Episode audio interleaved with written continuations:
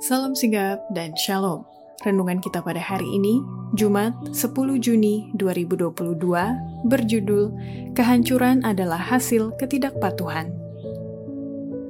Ayat intinya terdapat di dalam Yesaya 1 ayat 19 dan 20. Jika kamu menurut dan mau mendengar, maka kamu akan memakan hasil baik dari negeri itu. Tetapi jika kamu melawan dan memberontak, maka kamu akan dimakan oleh pedang. Sungguh, Tuhan yang mengucapkannya. Pena Inspirasi menuliskan yang dimaksud dengan judul renungan kita pagi ini, kehancuran adalah hasil ketidakpatuhan, sebagai petunjuk bagi kita agar mengalami kasih Allah yang tiada bandingnya itu, dikarenakan yang lama sudah berlalu, dan supaya kita dengan penuh keberanian datang menghampiri tahta kasih karunia Allah, adalah sebagai berikut. Pertama, Alasan penyebab kehancuran adalah hasil ketidakpatuhan karena setan sengaja sedang membingungkan dan menghilangkan penunjuk kebenaran oleh menempatkan tulisan yang salah pada tiang penunjuk jalan kebenaran yang dibuat Allah. Setan senantiasa bersiap-siap untuk menipu dan menyesatkan. Ia menggunakan segala pesona untuk memikat orang ke jalan lebar ketidakpatuhan. Ia sedang bekerja untuk membingungkan pengertian dengan banyak sentimen dan menghilangkan penunjuk oleh menempatkan tulisan yang salah pada tiang penunjuk jalan yang telah dibuat Allah untuk menunjukkan jalan yang benar.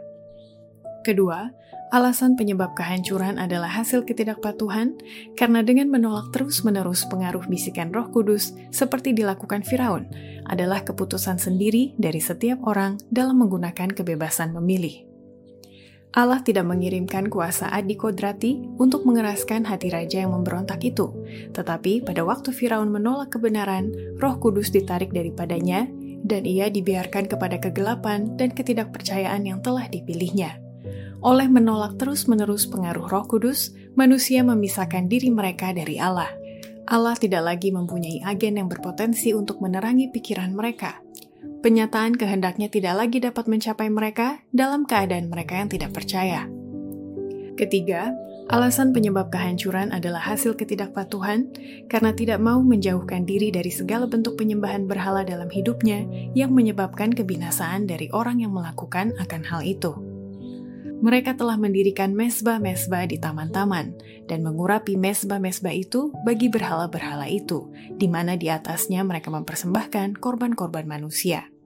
Hal ini yang Allah tidak sukai telah dihancurkan dalam murkanya di hadapan mereka, dan mereka dibuat gemetar di hadapan kuasa Allah yang hidup, kalik langit dan bumi, dan kepada mereka diberitahukan bahwa adalah korban-korban yang menjijikan dan mengerikan penyembahan berhala mereka yang menyebabkan kebinasaan mereka.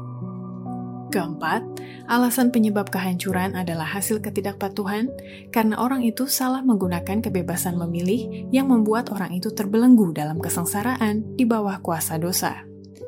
Allah tidak akan mengurung orang-orang dalam neraka untuk menderita kemalangan yang tidak berkesudahan, juga tidak akan membawa mereka ke sorga, karena membawa mereka ke dalam rombongan orang-orang suci dan kudus malahan akan membuat mereka sangat sengsara, tetapi ia akan membinasakan mereka sama sekali dan menyebabkan mereka seakan-akan mereka tidak pernah ada maka keadilannya akan dipuaskan.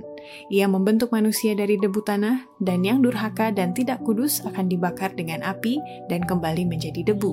Saya melihat bahwa kebajikan dan kasih sayang Allah dalam hal ini terus menuntun semua orang untuk mengagumi tabiatnya dan memuji namanya yang kudus. Setelah orang-orang jahat dibinasakan dari bumi, semua pasukan surgawi akan mengatakan, Amin. Demikianlah renungan kita pada hari ini. Kiranya Tuhan memberkati kita semua.